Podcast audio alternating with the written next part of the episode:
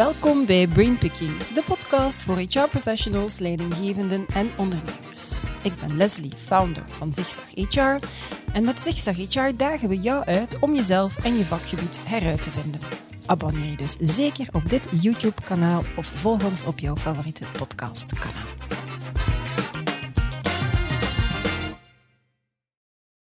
Passion for Work draait om mensen. Met meer dan 100.000 uren coaching op de teller willen ze werkend Vlaanderen gelukkiger en veerkrachtiger maken. En daarvoor kunnen ze rekenen op een uitgebreid netwerk van coaches in Vlaanderen.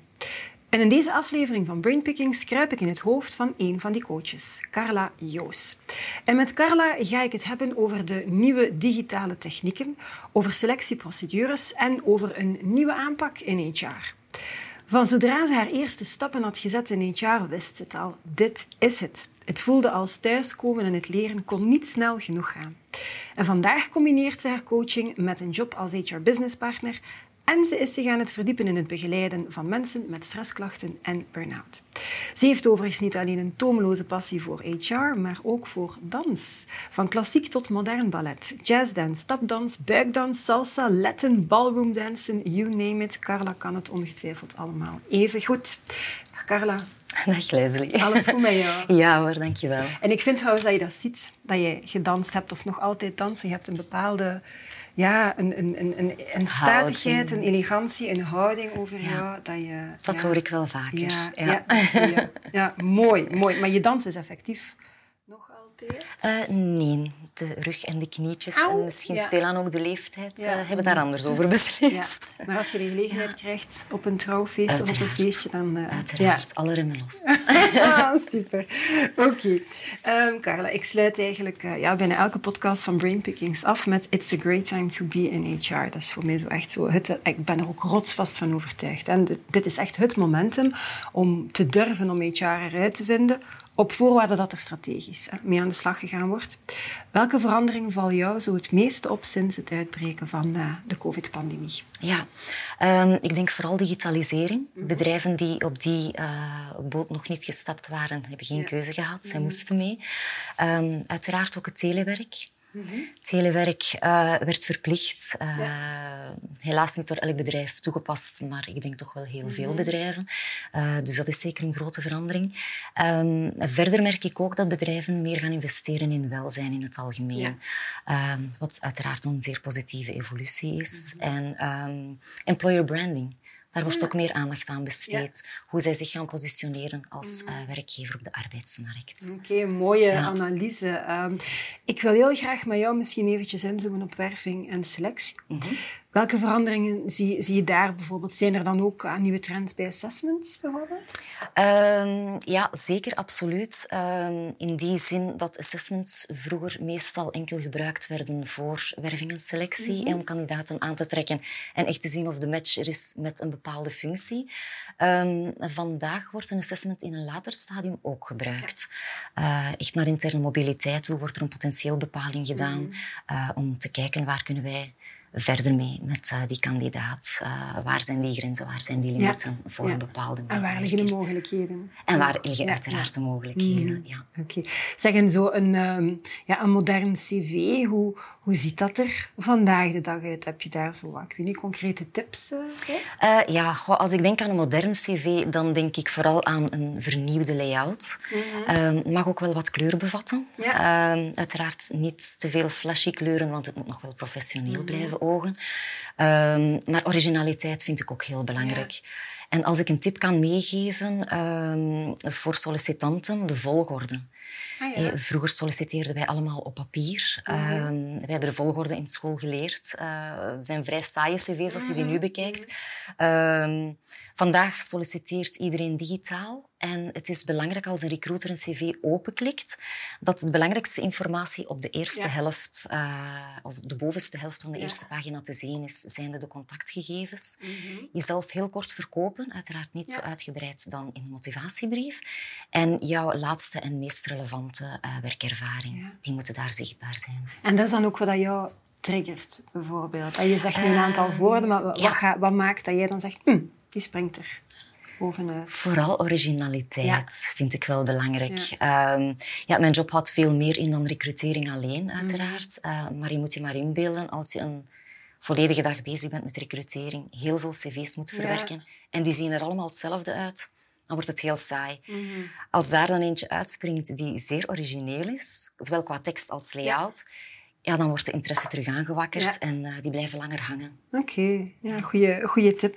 Zeg, en, want je verwijst er net naar de, de motivatiebrief. Is, is dat nog, wordt dat nog effectief gelezen? Hoe belangrijk is dat nog? Goh, het is uiteraard een extra tool voor een kandidaat om zichzelf te verkopen. Mm um, om een recruiter zover, zover te krijgen om uh, hem of haar uit te nodigen voor een gesprek natuurlijk. Um, dus het is wel een extra tool, maar ik betrap mezelf toch ook wel dat ik het pas in tweede fase ga lezen. Mm Een eerste screening is enkel en alleen op cv, omdat je daar de cruciale punten die belangrijk zijn voor de functie uh, even gaat checken. En als die vinkjes er staan, ja, dan ga ik de motivatiebrief toch wel doornemen. Oké. Ja. Zeg, en um, wat ook toch echt wel belangrijker wordt, en ik hoor het in, in andere gesprekken met jouw collega's van Passion for Work, ook die zingeving hè, wordt echt wel steeds belangrijker. Um, maar dat is ook een thema bij sollicitatiegesprekken dan, vermoed ik. Ja. Zeker weten. Dat is echt iets dat hoog uh, op die agenda staat bij, bij sollicitanten? Uh, hoe langer, hoe meer, merken we. Ja, okay. Waar mensen vroeger eigenlijk lukraak op alles reageerden, gaan... Um, ja, sollicitanten nu meer gericht zoeken. um, ze gaan echt wel zorgen dat er een match is. En ja, dat is voor beide partijen een win-win mm -hmm. natuurlijk. Uh, het is heel belangrijk om een lange termijn verhaal te kunnen schrijven samen.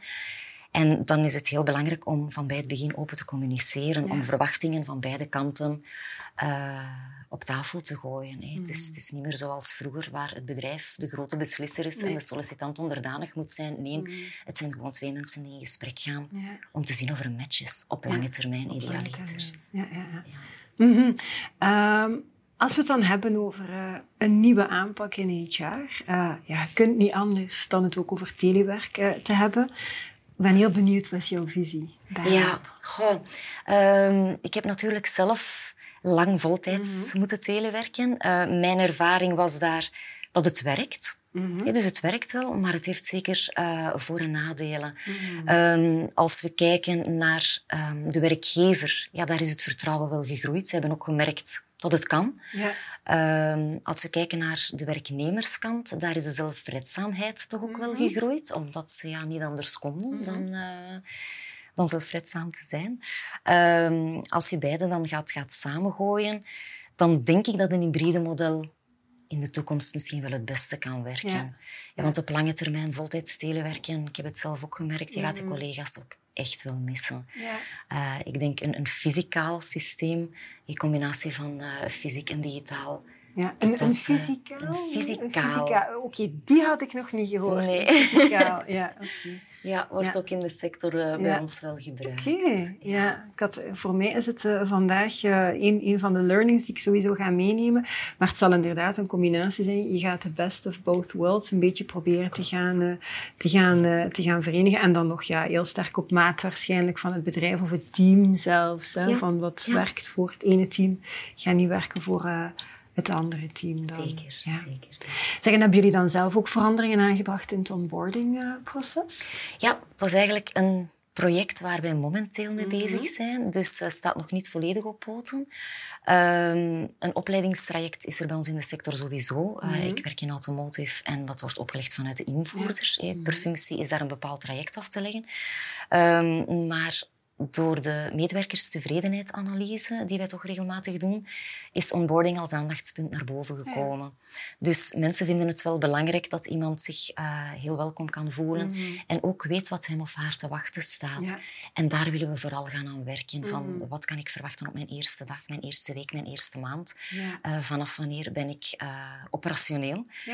of, of, is het toch de bedoeling? Wanneer is er een opvolgmoment voorzien? Mm -hmm. Dus dat mensen eigenlijk ja, toch een soort van planning meekrijgen. Dat ja. stelt gerust. Dat, hebben we, dat stelt dat gerust. Gaat stress inderdaad wegnemen. Ja. Dat maakt dat mensen vol vertrouwen in, in dat verhaal kunnen, ja. kunnen stappen. Ja, hè? Ja, klopt. Oké. Okay. Ehm, ja, nu de wereld zo ja, toch wel op zijn minst gezegd ingrijpend veranderd is en nog wel zal blijven veranderen, zijn veel mensen natuurlijk aan het zoeken. Hè? Meer dan ooit gaan, uh, ja, loopbaan, uh, is, is loopbaanbegeleiding zeer belangrijk voor professionals om daar wat in ondersteund te worden. Je hebt zelf loopbaanbegeleiding gevolgd. Wat is voor jou de grote meerwaarde daarvan geweest? Ja, ik heb uh, vooral onthouden dat um, wat mijn energiegevers zijn. Ja. want het is niet zozeer omdat je een sterke competentie hebt dat die per definitie ook energie geeft. Mm, Integendeel, het kan een energielek zijn als het geen talent is. Um, daarnaast heb ik ook geleerd dat niet alleen kennis en ervaring belangrijk zijn, niet alleen talenten en competenties belangrijk zijn, maar ook persoonlijke waarden. Mm. Um, ja, persoonlijke waarden moeten echt wel matchen met die van het bedrijf. Want anders is het onmogelijk om ja. uh, op lange termijn samen te werken. Dan vroeg of laat gaat het toch botsen. Mm. het kan ook verrassend zijn wat daaruit komt voor sommige kandidaten. Anderzijds is het vaak ook gewoon een bevestiging van wat mhm. mensen deep down wel al wisten. Maar het is net die bevestiging uh, die jou een boost geven en die jou een duwtje in de rug geven om de volgende stap te durven zetten. Oké. En dat was dan ook bij jou het geval? Ben, ben je dan bevestigd geweest of, of net ben je tot, tot fundamenteel nieuwe inzichten gekomen? Um, de bevestiging dat HR mijn thuis is, is uiteraard wel mm -hmm. gebleven.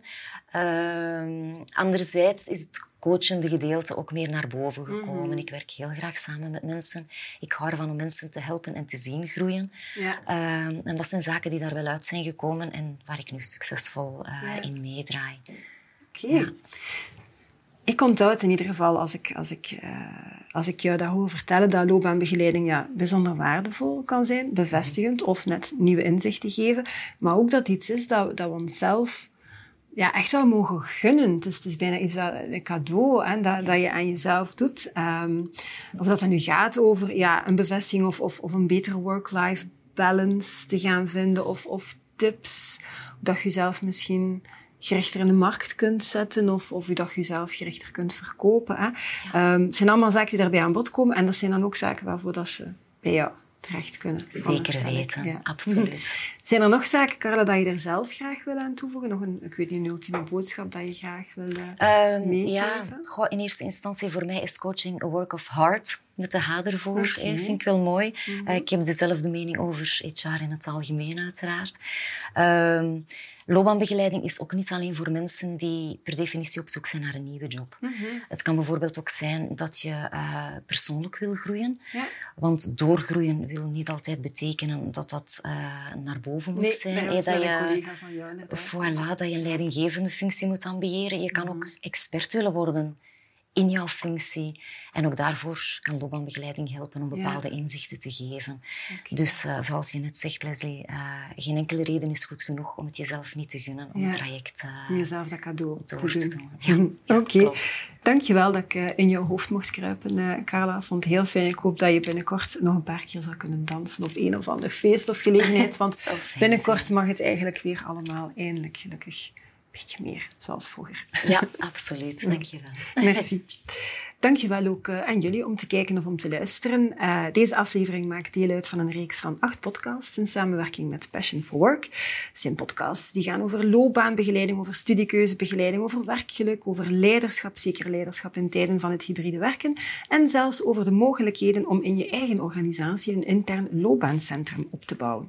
Zoek deze playlist dus zeker en vast eens op op, uh, op YouTube of zoek ons op op ja, Apple of Google of Spotify. Je mag eigenlijk kiezen, er zijn heel wat kanalen kanalen waar je vandaag terecht kan. Het allerbelangrijkste hebben we in deze podcast ook al een paar keer benoemd. It's a great time to be in HR. Tot de volgende!